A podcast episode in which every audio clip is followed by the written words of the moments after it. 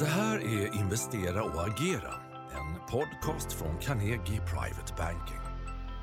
Här följer en inläst artikel från carnegie.se. Börserna absorberar högre inflationstakt och handlas nära rekordnivåer. Vi ser allt fler signaler om ökad ekonomisk aktivitet även i Europa. Veckans aktiecase är en stabil konjunkturvinnare med fortsatt kurspotential.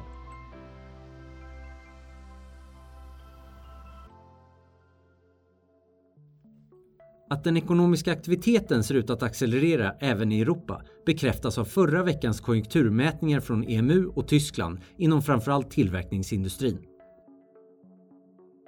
Svenska konjunkturinstitutets barometerindikator för svensk ekonomi i maj steg till den högsta nivån i indikatorns 25-åriga historia. Även här är bidraget störst från tillverkningsindustrin. I nuläget ser börserna ut att ha överseende mot stigande inflationstryck. Fredagens ånyo högre inflationssiffra än väntat i USA gjorde dock inga avtryck på räntemarknaden och den amerikanska tioåringen handlas fortfarande kring nivån 1,60% USA-börsen S&P 500 handlas dessutom nära all time high. Det är för tidigt att säga att inflationsoron är helt bortglömd, men det har blivit en mer balanserad bild. Investerare är än så länge beredda att lita på Feds uttalanden om att man kommer acceptera en högre inflationstakt om den bedöms som tillfällig.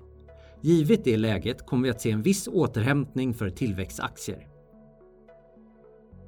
Det är dock för tidigt att säga att hela marknaden kommer att se en rotation tillbaka till tillväxtsektorn.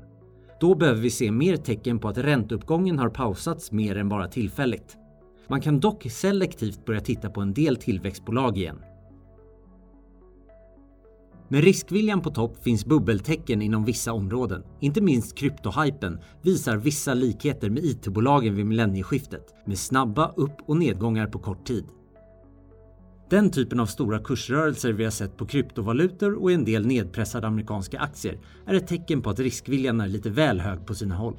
Däremot är det inte ett problem för börsen som helhet ännu. Det kommer fortsättningsvis vara stigande inflation och ränta som kommer vara den huvudsakliga risken mot fortsatt stigande börs. Nyhetsflödet kring detta kommer styra börsen under sommarmånaderna. Man ska vara beredd på kortare rekyler under sommaren och se dem som köplägen.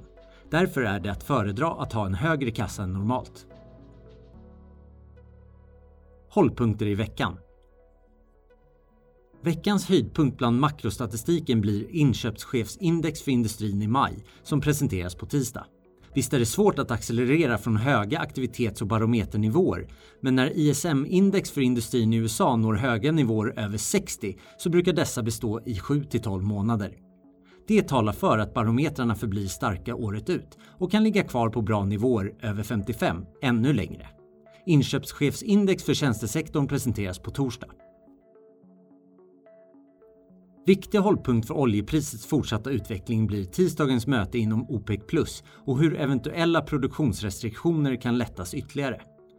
Spotpriset på Brentoljan handlas precis under 70 dollar per fat. Vad blir nästa nivå för oljepriset? På bolagsfronten rapporterar Clas Olsson och Sectra på onsdag.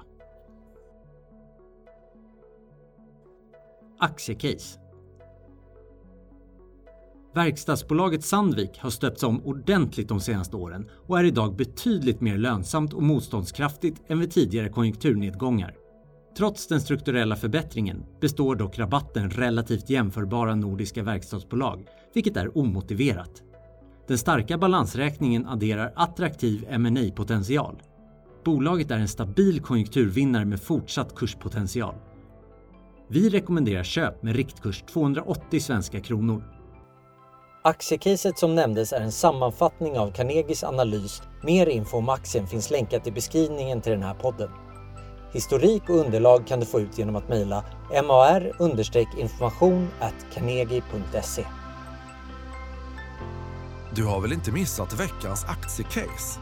Skriv upp det på vårt nyhetsbrev på carnegie.se privatebanking för att ta del av aktierna och investeringarna vi tror på just nu.